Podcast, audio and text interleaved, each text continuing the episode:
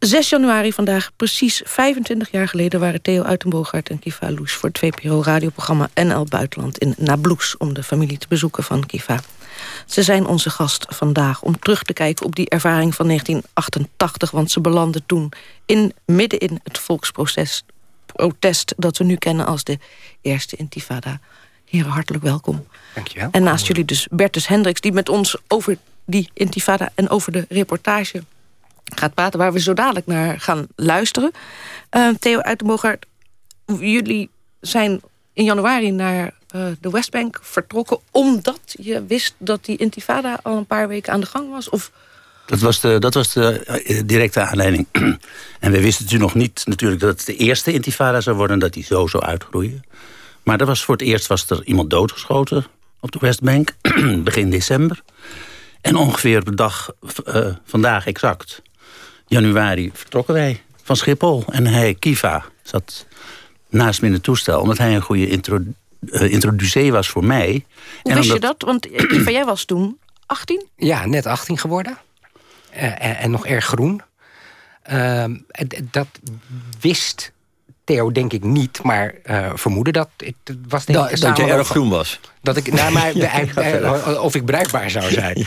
ja. um, want uh, ik denk dat er via via een, uh, een, contact was gelegd. Ik was net begonnen. Op Ton van der Graaf had hem opgedoken op, uh, bij Radio Rijnmond of zo. Ja, Fiduco, iets dergelijks. Ergens. Maar ja. voor duidelijkheid, jij was Palestijn in Nederland. Je, was, je bent in Palestina geboren? Ja, net. net. Ik, ik ben in Nablus geboren en toen ik één was met mijn moeder naar Nederland gekomen. Naar Vlaardingen? Naar Vlaardingen, waar een hele kolonie Palestijnen uh, zitten... die daar vanwege de, de Romi, de Rotterdamse margarine-industrie... een fabriek die in boters had...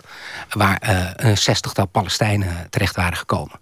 Um, en als gastarbeiders. En die hebben hun, hun gezinnen begin jaren zeventig hier naartoe gehaald. Daar ben ik opgegroeid in dat Vlaardingen. En ehm, nadat ik klaar was met de HAVO dacht ik... ik wil beroemd worden. Ik wil, in, ik wil bij de televisie.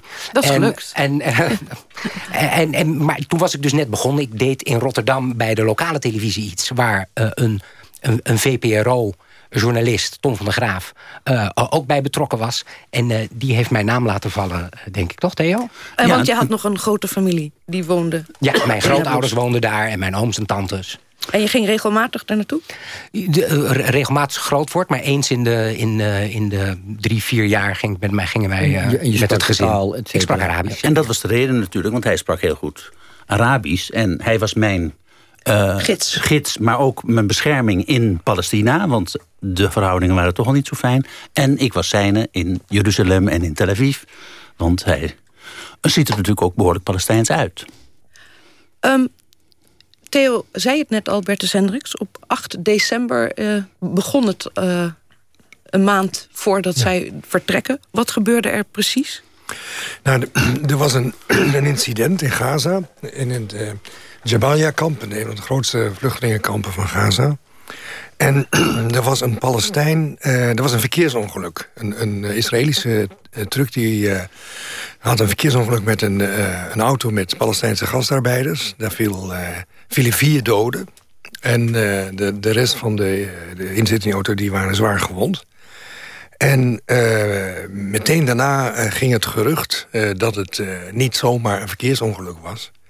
Maar uh, dat het eigenlijk gepland was uh, door Israëli's... als een soort uh, wraakactie voor het feit dat twee dagen eerder, geloof ik... wilde vanaf wezen of dat precies wat... Mm. een, een Israëliër was doodgestoken op de grote markt van Gaza. En toen met die begrafenis van die vier... Toen, toen barstte dus letterlijk in één keer de bom... En dat kwam natuurlijk niet uit de lucht vallen... want er was nou zoveel opgebouwde agressie uh, onder die Palestijnen... vanwege die Israëlische bezetting en uh, die Israëlische kolonisatie. En uh, tot grote verbazing van de Israëli's... want de, die, die, die jongens in die post en die legerpost, die waren totaal overdonderd. En ook, uh, die, die hadden ook niet uh, de enige ervaring ermee... want de Israëli's waren gewend dat, dat uh, de, de, de, de pure militaire aanwezigheid van de Israëli's... Mm. die Palestijnen wel stilhield. En er was grote verwarring. de, de, de kolonel, of de luitenant, ik weet niet meer precies welke rang die had... die dus die verantwoordelijk was, die, die belde naar zijn superieur... wat moeten we doen? Nou, die hadden eigenlijk ook geen, geen idee. Dus de Israëli's werden er totaal door verrast. En hadden ook geen methoden van wat we dan tegenwoordig crowd control noemen. Hè? Dat je dus niet meteen uh, gaat, gaat schieten. Uh, maar dat je probeert het op een minder dodelijke manier te, onder controle te krijgen. Nou ja, en die vlam die sloeg letterlijk in de pan. En ja, die breidde zich heel snel uit. En ook naar de Westbank. En de intifada was geboren. Maar is dat nou echt een, een eenschakeling van wat je zegt, onvoorbereidheid, toevalligheden. Uh, op een gegeven moment gebeurt er dan de lont in het kruidvat. Dat hadden ze toch kunnen weten, zowel de Israëli's als de Palestijnen... dat het op een gegeven moment zou gaan gebeuren. Ja, dat, dat lees je dus nu ook in alle uh, beschouwingen en boeken... die daarover verschenen zijn. Alleen, uh, er was, het was niet de eerste keer dat er verzet was geweest. in Gaza met mhm. name was meteen na de Israëlische bezetting van 1967... echt een, een brandhaard van Palestijns verzet. En een van de, in, in Gaza met name was een van de, de belangrijkste groeperingen... die daar een leidende rol in speelde... was het Volksfront voor de Bevrijding van Palestina... van George Habash, een meer radicale eh, variant eh, van Fatah, eh, zullen we maar zeggen. Maar daar heeft Sharon, de minister die daar verantwoordelijk voor was voor Gaza... en toen nog, denk ik, als generaal... maar daar wil ik even van afwezen... Ehm, die heeft daar keihard korte metten meegemaakt. Uh, zijn, in de Gaza-repressie was, was heel erg groot en sterk en heel erg militair. En daarmee leek het probleem uh, eigenlijk uh, wel onder, on, onder beheersing, onder controle. En hetzelfde gold voor het, het verzet op de, op de Westbank. Arafat heeft nog een tijdje op de Westbank gezeten... en geprobeerd om via sabotageacties de bezetting te verstoren. Maar die, die, al die geïnfiltreerde groepen van, van buiten... die werden door de Israëli's al vrij snel uh, dus opgerold. Arafat heeft nog net uh, zijn belagers voor kunnen zijn... En, en werd toen de leider van de Palestijnen... die het verzet leidde van, van buiten. In Tunis zit hij dan in die tijd? Nou, in, in, toen zat ik heb, dat was uh, na de oorlog in Libanon 82. Was hij verdreven uit, uh, uit Libanon. En zat hij dus uh, in, in Tunesië, in de hoofdstad Tunis.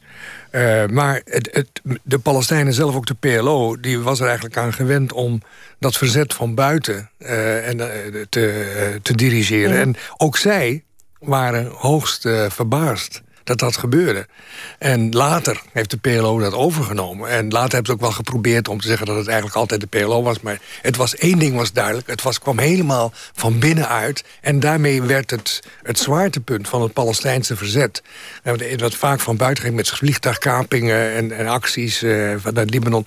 werd eigenlijk Een uh, echte volksopstand. Dat, dat werd een volksopstand. Die, die, en wat, dat is ook heel belangrijk, die ging met stenen meer dan met geweren. Ja, want even, we, gaan zo luisteren dus naar wat jullie daar uh, hebben opgenomen. Kifa, maar nog even de situatie. 8 december, meen ik, begint. En 7 januari komen jullie aan. Betekent dat, had je dat al vernomen van de familie in Nablus... dat er permanent... Uh, uh, met stenen werd gegooid, dat er opstand was. Dat er, maar het was wel duidelijk, uh, niet alleen vanuit familie... maar dat vernam je ook wel uit het nieuws... dat, er, ehm, ehm, dat het anders was dan daarvoor. Daarvoor waren er zo nu en dan onlusten, daar hoorde je dan over.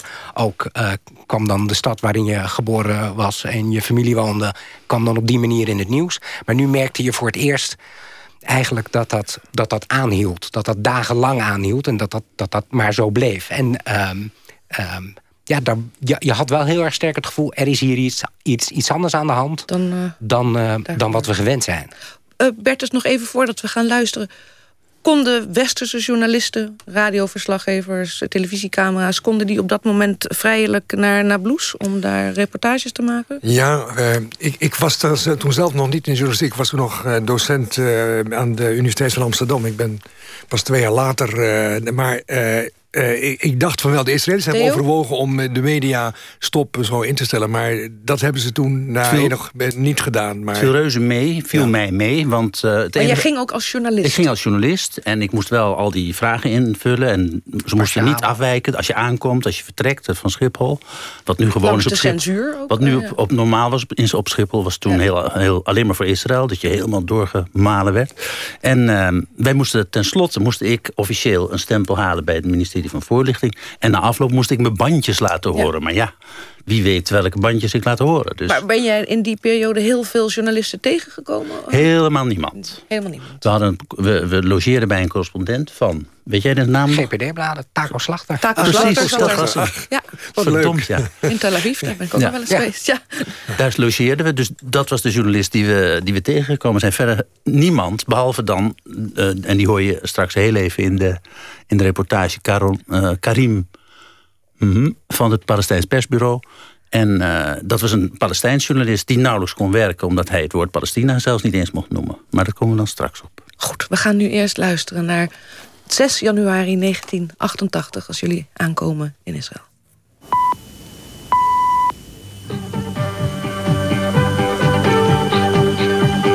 Israel, the voice of Israel, Jerusalem.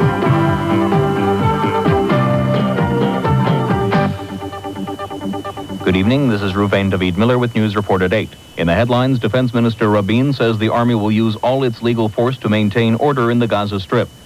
A 60-year-old Rafiah resident dies today of injuries received in disturbances three weeks ago. Disturbances were reported today in the Gaza Strip and Judea and Samaria. Energy Minister Shatal Het is woensdag 6 januari 1988. We zijn in Jeruzalem, in de oude Arabische binnenstad. Morgen gaan we naar Nablus. Ik ruik eh, Palestina. Niets ruikt er lekkerder. En iedereen eh, spreekt je moorstaal, hè? Ja, wat een zalig gevoel is dat. Je voelt je eh, op je gemak, toch wel. Ondanks het feit dat ik toch wel een beetje opval en veel denken dat ik van de tegenpartij zal zijn. Maar toch voel ik me lekker. Je kan hier alles krijgen. Aan de overkant een notenwinkel, dadels, pinda's, alles. Echt Arabisch snoepgoed ook. Herken je dat allemaal? Ik kan dat allemaal herkennen, ja. In 1967 heeft Israël tijdens de Zesdaagse Oorlog haar grenzen wat verlegd. Tot aan de Jordaan, de maat van het oude Palestina. De westelijke Jordaanoever is toen bezet. De staat Israël noemt het echter geen bezetting. Zij voert er het militair gezag. Daarom zijn de bewoners van het gebied ook geen ingezetenen van de staat Israël. Maar ook niet van Jordanië. Ze zijn eigenlijk niks. Stateloos in eigen land. Zo is Israël erin geslaagd, geheel onvoorzien, van Arabieren aan gene zijde van de grens Palestijnen als naaste buur te maken.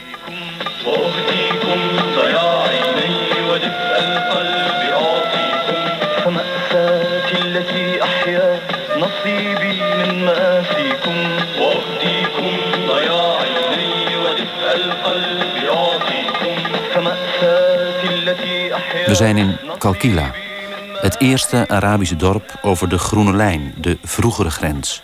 Nu kun je er zo heen rijden met de auto. Maar dat moet je niet doen, want een auto met Israëlische nummerplaten wordt tegenwoordig subiet bekogeld. Daarom willen we met de bus naar Nablus. Maar de bus rijdt niet vandaag. Alle winkels in Kalkila hebben hun rolluiken laten zakken. Gisteren is er opgeroepen tot geweldloos verzet. Sluit de winkels, hijs de Palestijnse vlag, draag niet het verplichte pasje bij je. Dat zijn drie ernstige vergrijpen tegen het militair gezag. De sfeer in het stadje is geladen. In de hoofdstraat staan groene legertrucks.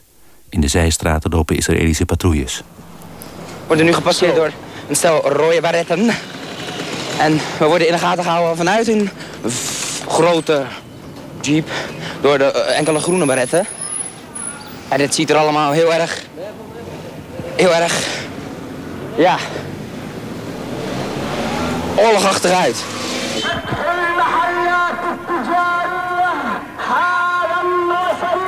Het zijn Arabische mensen die voor de Joden moeten zeggen, dat geluid wat je nu op de achtergrond hoort, dat de winkels geopend moeten worden. Omdat die, eh, commerciële staking hier aan de gang is, schreeuwt daar iemand in naam van de, de Israëlische autoriteiten dat de boel eh, opengegooid moet worden.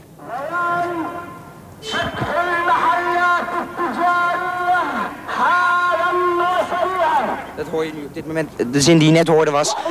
opent de handelsinstellingen eh, eh, nu meteen. Daar is aan Australië. Nou, oh. Wat zei hij? Nou, hij vroeg zich af of je... Hij zegt, zijn, zijn jullie geen Israëlieten? Dus ik zeg nee. Hij zegt, maar hoe kunnen wij weten of iemand een Israëliet is of niet? Ik zeg, ja, dat kan je eigenlijk niet weten.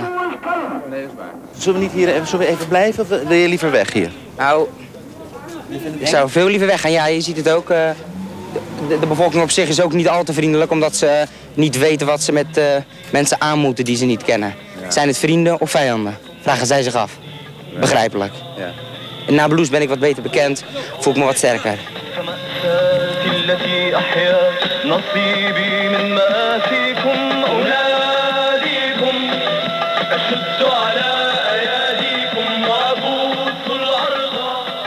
Sinds een week of twee zendt een Palestijnse piratenzender uit. Muziek en één boodschap. De stem van het Palestijnse volk eist een onafhankelijke Palestijnse staat. De Israëlische autoriteiten zijn er nog niet in geslaagd de zender het zwijgen op te leggen.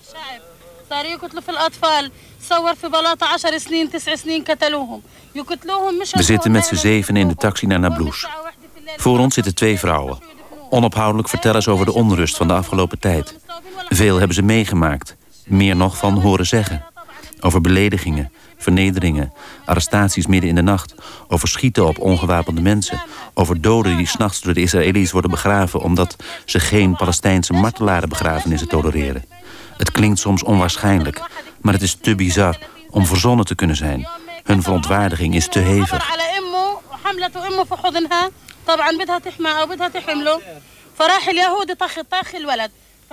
Buiten, een bijbels landschap.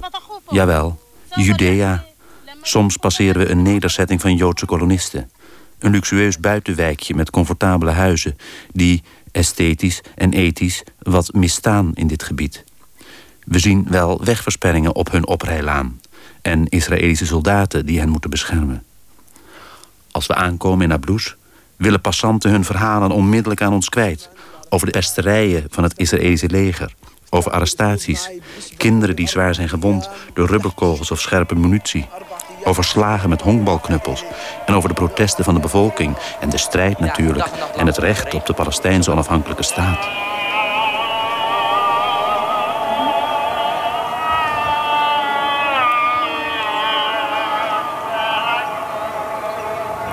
Het geboortehuis van Kiva blijkt tegen de bergwand te liggen. Boven aan de berg is nog net een Israëlische basis te zien. Zij en wij hebben een prachtig uitzicht over de stad Nablus. De stad ligt in een soort granieten kom, maar dan gigantisch groot. Nablus heeft 120.000 inwoners. Het is de grootste stad van het bezette gebied. We klauteren naar het huis toe. De grootouders van Kiva wonen er. En twee ooms. En drie tantes. En neefjes en nichtjes. Het is een groot huis. Opa staat voor het raam. Oma heeft ons al gezien en wacht buiten. اهلا اهلا اهلا أهلاً.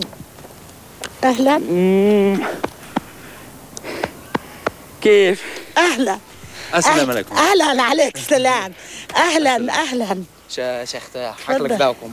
بترجم له. اهلا اطلع هات عنك لا ولا هذا هات شيء ولا شيء. احمد كاتبة.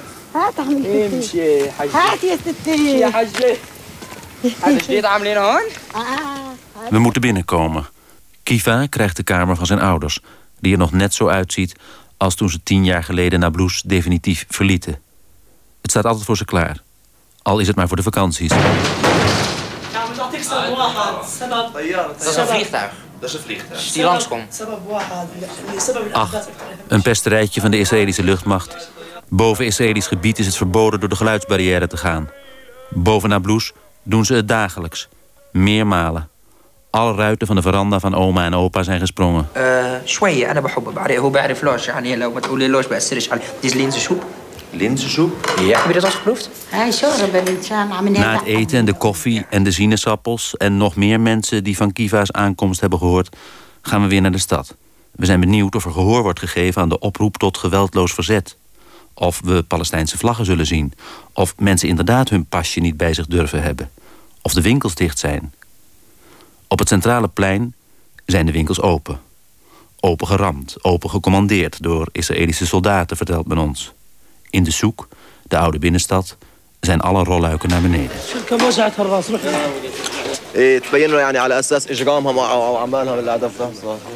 You see that he kissed him because he in the prison. Mm-hmm. And then yeah. was in the prison. حسن. Yeah. ابن ابن ضاع العلاش من هولندا.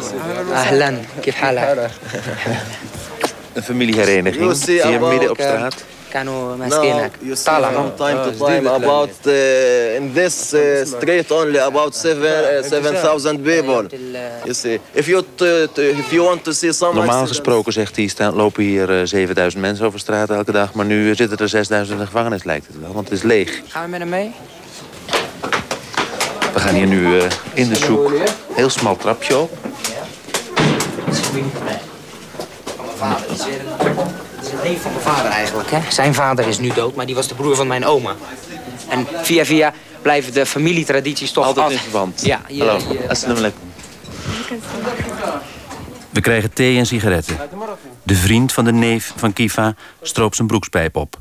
Ter hoogte van zijn enkel zitten twee angstig diepe kuilen in zijn been. Een Israëlische kogel في هون اجت اصابه في اجري هون Was, it, was there a bullet through? Yeah, yeah. Voordat, wij denken niet dat we hiermee in staat Opnieuw kunnen. verhaal. Hij zegt van een steen, een, steen, een steen bereik je dat niet. Hij zegt in de eerste plaats zijn we erop uit om, eh, om eh, de aandacht van de wereld op ons te vestigen. Het beeld wat Israël vormt van eh, de rustige, niks aan de hand zijn, de Westbank. Dat is dus niet zo. Wij laten even zien wat voor verschrikkelijke dingen ze hier eigenlijk allemaal gedaan hebben. En we willen gewoon de aandacht op ons vestigen. Dat is eh, in eerste instantie de, de, de, het nut van wat we nu doen. Hij zegt, eh, hij zegt de, we hebben de wereld nu laten weten wat er aan de hand is. Dat er een bezet eh, gebied is waar mensen onderdrukt worden. En wij maken er dankbaar gebruik van. Dus het beetje sympathie dat we hebben in de wereld, eh, dat hebben we nu. wa- Wat we zouden kunnen krijgen. Dat hebben we nu. En nu, gaan we, nu maken we daar gewoon gebruik van. Waardoor wordt het leven ondraaglijk? دائما اي ثوره بتقوم في العالم بتكون معتمده على العمل الاقتصادي كنقطه اساسيه Eh, je mag na zes niet naar buiten. Eh, verenigingen kunnen niet, eh, waarbij je... Je mag na zes niet naar buiten? Nee, er loopt geen mens na zes naar buiten hier. Eh, verder mag, mogen er geen verenigingen, clubs of dat soort dingen... waarin het nationaal eh, zijn, eh, het Palestijn zijn, het culturele erin wordt, eh, wordt verboden. Eh, hij zegt, je bent, je, er gaat altijd een angst over je als je met je vrouw of met je moeder of met wie dan ook gewoon ligt te slapen en je hoort een een of ander geluid wat, eh, wat niet zo vriendelijk klinkt, dan denk je meteen, hop, de Joden komen of de Israëli's komen. Eh, hij zegt, je leeft hier in een angst. Het is, zegt, dit is ondraaglijk. Dit is gewoon, eh, dit, is, dit is geen leven. De neef van Kiva ziet er slecht uit. Een tanige huid, ingevallen wangen, oud voor zijn 24 jaar. Zijn nieren zijn kapotgeslagen door Israëlische soldaten. Onlangs is hij weer eens uit de gevangenis gekomen. آخر حبسة هاي 18 يوم هاي سابع حبسة لي Hij zegt, dit is de zevende keer dat ik gepakt ben. De zevende keer dat ik in de gevangenis gezet ben. En toen heb ik, eh, eh, 18 dagen heb ik erin gezeten. Gewoon van huis weggehaald? Ja, van huis weggehaald. Hij werd opgepakt om, eh, om eh, s s'nachts kwart voor twaalf. Eh, toen kwamen ze hier binnen bonken, natuurlijk op een hele brute manier. Hij heeft, eh, toen kwamen er, eh, was er een auto met 25 man erin. Eh, twee uh, geheime dienstauto's en nog een eh, kar erbij. Die kwamen hem alleen ophalen. Hij, heeft, hij is daar toen naartoe gebracht. Ze hebben daar toen zes dagen vastgebonden op de grond in de modder in de regen gezeten. Hij zegt, we zaten, eh, op een gegeven moment mochten we naar, eh, kwamen in de cellen. Eh, Na een dag moest je meteen weer naar, naar tenten. Want er kwamen steeds meer gevangenen binnen. Want hij werd opgepakt zo'n dag of twee voordat de echte rellen begonnen. Hij zegt, het begon toen net. En hij zegt van, dit is een gevangenis waar 135, 145 man in kunnen. En er zaten er op het moment dat hij eruit ging... zaten er 750 eh, gevangenen in. Wat was de aanklacht eigenlijk? لا ما ودونيش يعني لأي حاكم إطلاقا يوم من تحتي 18 يوم روحوني الساعة واحدة ونص بالليل Hij zegt dus van, eh, ik ben helemaal niet voorgeleid voor een of andere rechter. Hij zegt, eh, waar ik net zat, uh, waar, waar er van die beschuldigd werd... dat was dus uh, het uh, sympathisant zijn of het misschien wel lid zijn van Fatah. hij, hij zegt, ik, nou, op de dag dat ik op de 18e dag dat ik in de gevangenis zat, werd ik vrijgelaten. En ik werd daar ergens losgelaten in de buurt van een... Uh, want het is in de, buurt, de gevangenis is in de buurt van een kamp. En daar was een uitgangsverbod, dus er was niemand en zo. Hij zegt, ik werd om half twee s'nachts werd ik daar vrijgelaten. Hij zegt, het regende keihard. En er was met ons nog een jongen die in zijn hoofd geraakt was. En bloedde. En die hebben zij dus onderweg helemaal mee moeten slepen hier naartoe. Hij was hier dus pas om een uur of half vijf s morgens kwam hij hier pas aan. A curfew was imposed on areas of Kalkilia after a demonstration this morning was dispersed with tear gas. Stone throwing was reported this morning at the Amri refugee camp near Birzeit and in the Ramallah area. In El Bira, there were also incidents of stone throwing. Our reporter says there were scattered minor stone throwing incidents in Gaza during the morning. We'll be back with a late news summary at the end of this broadcast. You are tuned to Kol Yisrael, broadcasting from Jerusalem. In Oost-Jeruzalem is een piepklein persbureautje gevestigd. Eigenaar is Ibrahim Karaim. Sinds kort heeft het bureau een telex. Daar heeft Ibrahim zeven jaar op moeten wachten. De Israëlische autoriteiten hadden blijkbaar bezwaar tegen een wat te gemakkelijke toegang tot de buitenwereld. Het persbureau verzorgt namelijk Palestijns nieuws. En er was nog een probleempje. Hij mocht het bureau niet laten inschrijven onder de naam Palestijns persbureau, want Palestina bestaat niet. Sterker nog, het woord Palestina is verboden.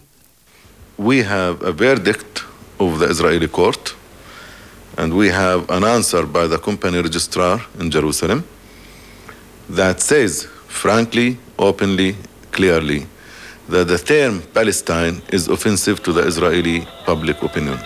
If you say Palestine or Palestinian, you already offend the Israelis. Het is vrijdag in Nablus, de wekelijkse rustdag. Vanaf de vroege morgen ben ik op zoek geweest naar een telefoon. Op vrijdag is het postkantoor gesloten. Openbare telefooncellen heb je niet in Nablus. Een hotel bestaat er niet. En de buren van opa en oma Alouche, waar ik oorspronkelijk vandaan zou bellen, waren bang geworden. Misschien zouden ze hun telefoon wel kwijtraken als de militaire autoriteiten erachter zouden komen als een buitenlandse journalist bij hen had gebeld. Ik word meegenomen naar een winkeltje. Usually they don't say Palestine, they will say West Bank or Judea and Samaria, which is you know the Hebrew name for uh, the occupied territories. Hij zegt dus uh, eh, dat het woord Palestina niet alleen eh, verboden is. En ook onderwijzers die op school zeggen dat dit gebied, Palestina heet... die worden de volgende dag ontslagen. En er is nu ook een militaire order in de tachtiger jaren uitgegaan. Militaire order nummer 854. Die zegt dat de PLO een terroristische organisatie is. En dat moet iedereen ondertekenen. Bijvoorbeeld heb je ook gehoord van een eh, school waarin, geloof ik, als ik het goed verstaan heb, 30 eh, docenten de straat op zijn gezet omdat ze dit massaal niet wilden doen. Dat tekenen van dat document waarin ze zelf eh, eh, toegeven dat eh, de PLO een eh, terroristische organisatie is en dat zij dat eh, ook als zodanig erkennen.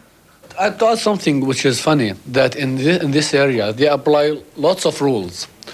Now will zegt nog iets, nog iets grappigs. Ze hebben hier een heleboel eh, regels. we have something called uh, the Ottomani rules, which is you know the Turkish. They the area. Then the British mandate, they the area. Then the Jordanian law. Hier in dit Then gebied is alle, allerlei soorten wetten zijn van eh, toepassing.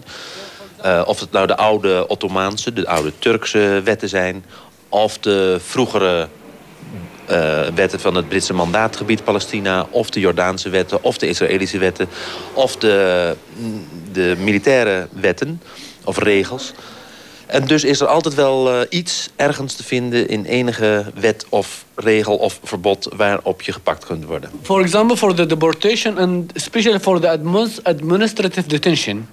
I don't Een know van if you die heard eh, about the noodmaatregelen uit de Britse tijd, van het Britse mandaatgebied, is, een, is de zogenaamde administratieve detentie. Die kan zes maanden duren. En die- dat betekent dat je zonder aanklacht zes maanden vastgehouden kunt worden. Zo van huis naar de gevangenis. الرابعة وحتى الساعة الثامنة مساء البث التجريبي القدس الإذاعة العربية الفلسطينية على طريق تحرير Het is kwart over twaalf, het einde van, de, van het grote gebed. Mannen komen uit de moskee. Hier is het eindelijk vol, want de rest van de stad is eh, een soort van uitgestorven. Winkels zijn dicht, zo hoort het op zondag.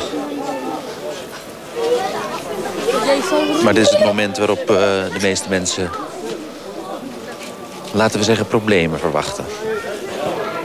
يعني في معادلات بين بين الشباب واليهود. والله احتمال في Nou, het- er wordt verwacht dat er knokken komt tussen de Arabieren en de, de Israëli's, de Palestijnen en de Israëli's. Dat wordt al verwacht. Vandaar dat mensen allemaal de straat op gaan. Dit is, dit is een zogenaamde provocatie van onze zijde. Je hoort, er is, geen God, ba- eh, er is geen God dan Allah. Allah is onze God. hè. Ze zien die microfoon en weten dus dat er een kans is dat de wereld ze kan horen. En vandaar dat... Je ziet ineens massaal, je hoort niet iemand, uh, kom op jongens. Nee, het is massaal, het gebeurt in één keer. Ineens allemaal, eh, eh, la ilaha illallah, er is geen God dan God. Dan Allah dus. De hele westerse wereld, die, wat die ons aandoet.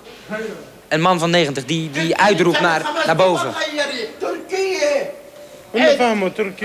Turkije! Ja, hij zegt, ik heb vijf, bij, vijf bezettingen meegemaakt. Hij noemt op de Turken والعراقية eh, Arabieren, والأردن Jordanen, وإسرائيل Israël, أسمى دولة Engelsen. إسرائيل En de ergste is Israël, zegt hij. هيك ولا لا يقطعوا يحطوا البلد براسه En ze zeggen, de, de يطخوني mensen om me heen zeggen rustig, rustig, rustig. Hij zegt nee, maak, laten ze me maar afmaken. تاخذ اسمي خذ اسمي انا بقول لك Hij dankt zijn mond van die oude man dat hij dat zegt. Hè. Zegt van, eh, maar hij zegt ook van dit... eh, mijn neef zegt, ja, het moet wel wat rustiger, hè. Want het is een kans om dit naar de buitenwereld te krijgen. En dit moeten we, moeten we aannemen. Hij, zegt, hij noemt 150 journalisten die naar eh, de Westbank zijn gekomen... om eh, dit allemaal in de gaten te houden. Het wordt nou eens tijd dat eh, het beeld, het goede, het echte beeld naar buiten gaat. Er worden even een paar eh roodbloks opgeworpen hier. Met oude bedden. En een oude boekenkast. De gemaskerde jongens vanaf de toren van de minaret. Eh, de moskee, de minaret dus. Ik persoonlijk zeg wegwezen. Eng, We gaan er nu helemaal naartoe. Het is een beetje eng, hè? Ik vind het ontzettend eng. Gemaskerde jongens komen hier naartoe rennen.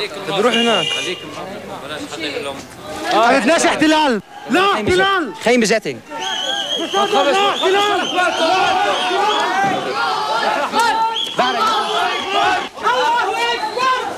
Wordt gehold, brandende autobanden op straat. Je hoorde net eh, eh, traangasbommen. Oh ja. Men rent hier weer. Wij moeten niet rennen. Het heeft iets ontzettend griezeligs. Ik word er ontzettend bang van. Ik ben, geloof ik, echt een ontzettende lafaard hier. Maar dit om even eh, de mensen in Nederland eh, te laten weten dat dit echt geen pretje is. Good evening and Shavua Tov, a pleasant week. It's 8 p.m. in Israel, 18 hours UTC. This is Yosef Yaakov with the news. First, the headlines. One person is killed and five injured today in disturbances in the Gaza Strip. Unrest is also reported in Judea and Samaria. Hana Signora, the editor of the Al Fajr Arabic Daily, is interrogated by police following his call for civil disobedience. Air Force Commander Abihu bin Nun says the Syrian army is supplied De vroegere loco-burgemeester van Jeruzalem, Meron Benvenisti, heeft in 1982 het West Bank Data Project opgezet. Het is een wetenschappelijk onderzoek dat continu wordt uitgevoerd en alle gegevens over de westelijke Jordaan-oever en de Israëlische bezetting daar vastlegt. uh, I realized in 82 that uh, we are in a uh, transition period and soon the situation will uh, be uh, beyond the point of no return. And that the Israeli occupation will probably last for a very long time. And I wanted to record and to monitor the situation and to uh, compile all the data that I can uh, so that future generations will understand what really happened in real time. Het is een totaal conflict, een totale oorlog, een burgeroorlog, waar iemand van zijn wieg tot zijn graf in betrokken is. It, it, it, is a, it is a total conflict. It's, it's, it's not a total war. It is, it's a civil war involves a person from his cradle to his graveyard. Civil wars create problems, but whoever thinks that he have a, has a solution to the problem doesn't understand the question.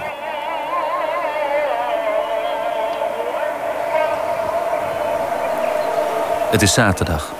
We gaan weer naar huis. Het bezoek van Kifa heeft zijn grootouders natuurlijk veel te kort geduurd.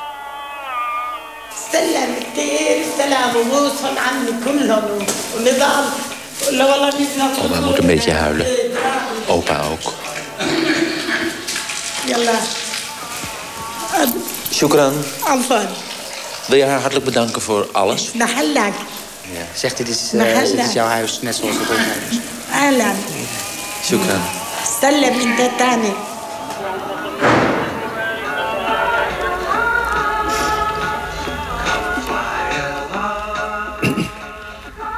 U hoorde de afgelopen 23 minuten de reportage die Theo Uitenboogaard, collega Theo Uitenboogaard, maakte voor het VPRO-radioprogramma NL in 1988. Jullie waren, jij, Theo en Kifa Alouche, waren op 6 januari, precies 25 jaar geleden, waren jullie op de Westbank in Nablus bij jouw familie, Kifa. Ja. We praten over wat jullie daar meemaakten, over het- de eerste intifada die toen bezig was. We spreken daar ook over met Midden-Oosten deskundige Bertus Hendricks... verbonden aan het instituut Klingendaal.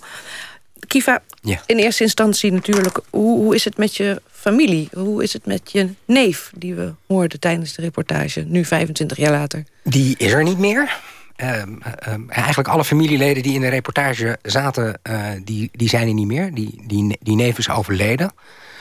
Uh, was toen natuurlijk al niet gezond, maar is in de jaren daarna niet veel gezonder uh, geworden. Omdat hij nog wel betrokken is gebleven bij het verzet. En, ja, want dat duurt nog jaren. Dat is dan begonnen. En dat duurt, meen ik, 93? Ja, ja. Gaat het zo voort? Was, uh, uiteindelijk Oslo, hè? Ja. ja, dus daar is hij. Mijn, uh, eigenlijk is het uh, opvallende in, in, in onze familie hier in Nederland. Is dat bezoek van mij. Had maar voor een deel te maken met die intifada. Een, een ander deel was dat mijn groot, grootvader kort daarna overleden is. En ik eigenlijk de enige was van de familieleden die in Nederland woonden. die hem nog had gezien en gesproken. Dus het gek is, terugkijkend op die periode... en als ik dit dan nu weer hoor... dan weet ik dat bij ons hier in Nederland speelde... aan de ene kant dat, dat het politieke conflict uh, van, van de intifada... en tegelijkertijd speelde uh, eigenlijk nog veel meer binnen onze familie... de, de, de persoonlijke familiegeschiedenis. Dat ik de laatste was die mijn grootvader nog had gesproken en gezien. Maar er is niemand van jullie familie door de intifada... of tijdens deze dingen omgekomen? Nee, nee, nee, niet tijdens deze... En ben je in die periode nog vaker terug geweest? Uh, nee, nee, niet in die, in die eerste. De, de eerstvolgende keer dat ik er daarna weer was... was in 94 voor uh, Nova. Uh, toen heb ik een, een, een, serie ook weer over familie gemaakt. Een reportageserie, die heette Lang Geleden. Ehm, wa waarin we terugblikten. Waarin ik oma ook weer heb geportretteerd. En met haar terugkeek naar, naar de jaren van bezetting. En vooruit keek naar wat voor prachtigs gaat er nu allemaal gebeuren nu we, nu we vrede hebben. Ja, wat in ieder geval goed te horen is, je bent toen 18... Uh, persoonlijk zou ik zeggen wegwezen. Ja. Je, je, je, voelt de bedreiging. Hè? Op dat moment is het ook echt naar je gevoel gevaarlijk. Doodeng. ja. Um, Theo, we, aan het eind van de reportage horen we dat jij al in contact bent met de loco-burgemeester van uh, Jeruzalem, Ben Vanisti. Hij was, was... loco-burgemeester onder Teddy Kollek. Ja. En hij heeft voor Teddy Kollek een aantal dingen gedaan die hij, hij later betreurt. Maar wat hij in ieder geval gedaan heeft, is vanaf 82 een dataprogramma opgezet. En dat loopt volgens mij nu nog. En ik heb hem geprobeerd te bereiken, want hij leefde nog. Dat had ik, uh, en ik heb hem geprobeerd vorige week te bereiken. Maar hij is nogal ziek, hij is 78 inmiddels. Maar hij is doorgegaan met en het registreren van alle... Precies, maar hij heeft ook, laten we zeggen, een wat hij toen al had, een soort plan. Hij, hij ziet helemaal niks in, in, de, in de scheiding van de staat Israël en de Palestijnse staat. Het is geen oplossing. En hij noemt ook de, de Joods. Um, uh, democratische staat een oxymoron. Ik heb het op moeten zoeken, want ik wist niet wat het was. Het is een soort uh, uh, contradictio in terminis. Het is iets wat niet samen kan bestaan en toch bestaat het samen. Hij zegt dat bestaat ook niet. Dus het enige wat zijn oplossing voor het conflict is... en dat vind ik toch wel interessant, in ieder geval als gedachte-exercitie...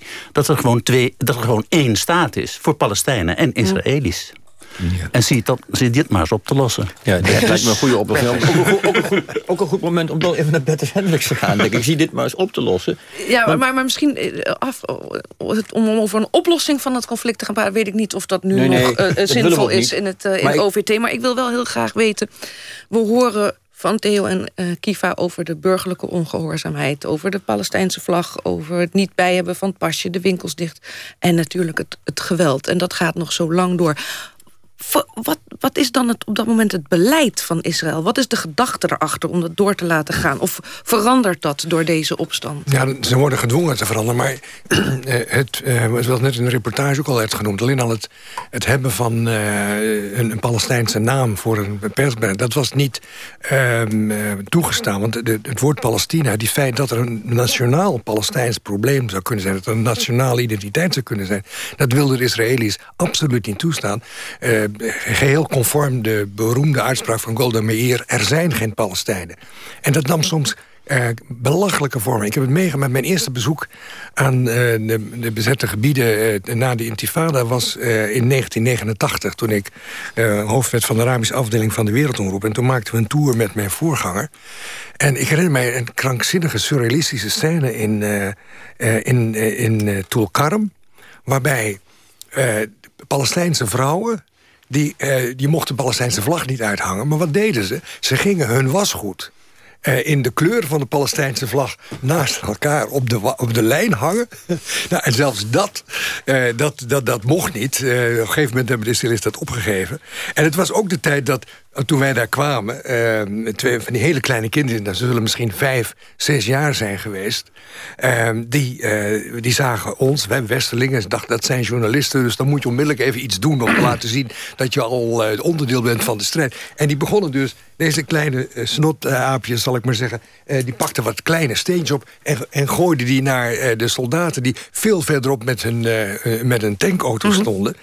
En ja, ik kon mijn ogen eh, en oren niet geloven. Maar dan zie je dus zo'n enorme tank... die begint met die enorm bedreigende vuurloop van die tank... begint op die kinderen zich te richten. Gaat, gaat natuurlijk niet schieten. Maar dan, ik, vond het zo surrealistisch dat men dat, dat, dat, men dat niet in de gaten had. Maar, maar we horen in de reportage horen we de oude man schreven... nu eindelijk zal de wereld horen hè, op wat voor manier wij onderdrukt worden... en wat hier allemaal gebeurt. Nou, de wereld hoort, de wereld hoort dat. Hè, vanaf 1988 uh, door middel van die opstand wat verandert er dan eigenlijk? Nou, wat er verandert, er überhaupt iets? Wat er, wat er verandert is dat uh, inderdaad eh, de wereld begint te zien... er is een Palestijnse natie, er is een Palestijns volk. En uh, wij moeten, dus de vertegenwoordigers daarvan... dat was sinds 1974 hadden de Arabische wereld besloten... dat de PLO van Arafat de enige vertegenwoordiger was van het Palestijnse volk. Uh, maar daar bleef het voorlopig bij. En we zien nu dat door die intifada... En door uh, de, de, de organisatie, want de PLO die nam de leiding over... samen met een soort uh, verenigd nationaal leiderschap van, van, op de grond. Die werd langzamerhand een internationale factor. Die werd op een gegeven moment erkend door de Amerikanen. Althans, de Amerikanen gingen een dialoog aan. Uh, de PLO die werd toegelaten tot, de, tot de, de, algemene vergadering... om, om daar een, een, een, in ieder geval toespraak, de beroemde toespraak in Genève... Dus het heeft wel wat opgeleverd. ja, ja, het, het, de politiek Maar, maar heeft het ook opgeleverd dat uh, het, het, leefbaarder werd... Voor, jou, voor jouw familieleden, Kiva? Voor de, mm, de pesterij? Uh, de, nee, toch? Nee, dat heeft eigenlijk tot, tot de Oslo-akkoorden uh, geduurd... Voordat er, voordat er sprake was van een beetje sociaal leven wat je daar kon hebben. Want het heeft veel slachtoffers ook. De. Het heeft heel veel slachtoffers. Het was een opstand van stenengooiers. Maar er zijn uh, in de, de repressie door de Israëli's ontzettend veel uh, doden gevallen. Ik meen in de eerste twee jaar iets van 500. Ja, en, en, ook onderling, hè? want het, is ook, het wordt ook een strijd tussen Palestijnen onderling. Wie, wie gaat... Nou, uh, wat, wat een van de aspecten was... is dat de Palestijnen zich steeds meer organiseren om informanten. Want de Israëli's uh, die waren ongelooflijk goed geïnformeerd. Die hadden dus heel veel informanten. Omdat Palestijnen, als je iets nodig had van de Israëli's... om ergens te werken, of, of men wist iets van je... dat, dat je een verhouding had. Er waren zoveel manieren, tot op de dag van vandaag... om uh, de Palestijnen, laten we te chanteren tot Maar, en die werden dan ook aangepakt. Moeten we, als we het over de intifada hebben... de eerste en de tweede ook niet de, de, de, naam Hamas laten vallen? Nou, want, want is het, is, ik heb hier genoteerd... intifada, aan de ene kant doodsteek PLO begin Hamas. Slaat het ergens op of slaat het nergens? Nee, het is meer zo. Kijk, de Israëli's... Hamas was eigenlijk niet zo ontzettend betrokken. Bij, uh, het was allemaal Fatah, Democratisch Volksfront... Uh, gewone Volksfront, uh, andere groeperingen... Communistische Partij. maar Hamas is in 87 actief geworden. Uh, en uh, er was dus de, de, de Palestijnse westen moslim. Die waren aanvankelijk bezig met religieuze propaganda. Want ze dachten, dat is de voorwaarde om te zorgen... dat uiteindelijk het uh, Palestinië weer bevrijd wordt. En toen ze zagen dat enorme uh, opstand van die intifada... toen zijn zij dus ook actief geworden in, in de directe politieke opstand. En dat hebben de Israëli's aanvankelijk ook bevorderd. Dat vonden ze wel een aardig middel om, het, om dat verzet te verdelen. Ja. En je had ook islamitische jihad, die ook uh, actief Divide was. Divide en kanker. Dat ja. was, was ja. En, uh, maar uiteindelijk is er dat opgebroken. Want dat is een soort geest uit de fles die ze niet hebben kunnen controleren.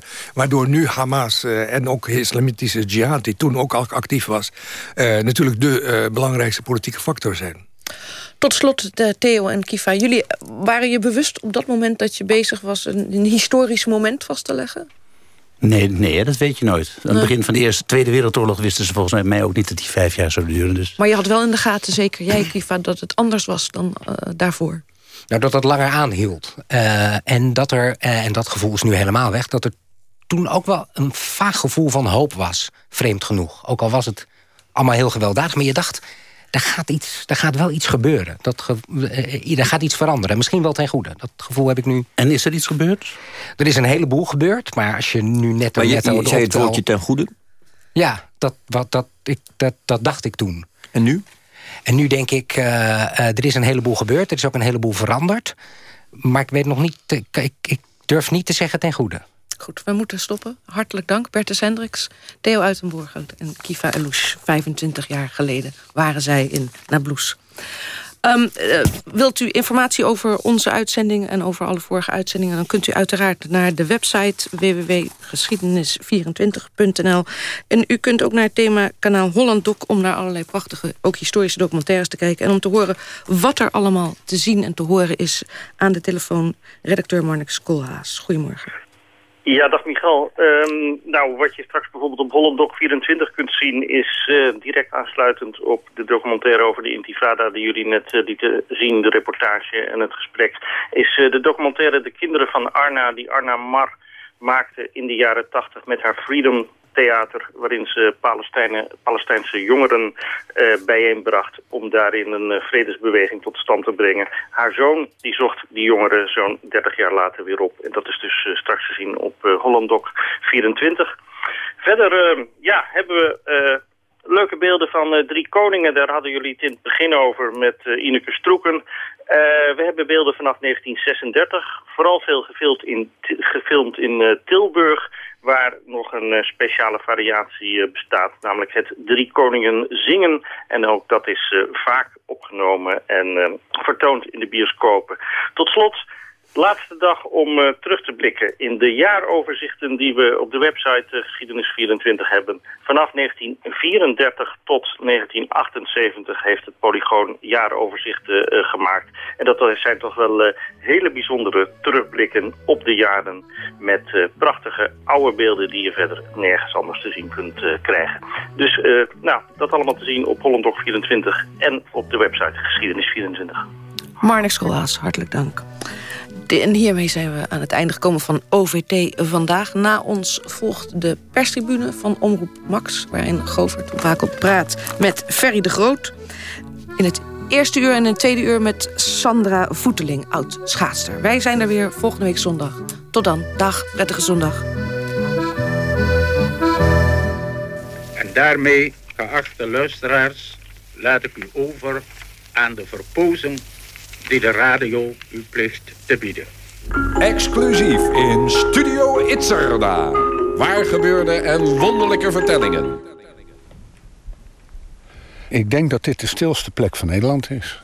Je gaat tegen jezelf praten. Je benoemt alles omdat je behoefte hebt aan menselijk geluid. De rol van de stilte is dan om naar het voelen te gaan. Ja, uiteindelijk is daar gewoon liefde. Smaakt dat naar meer? Luister dan vanavond kwart over zes naar Studio Itzerda. Radio 1, het nieuws van alle kanten.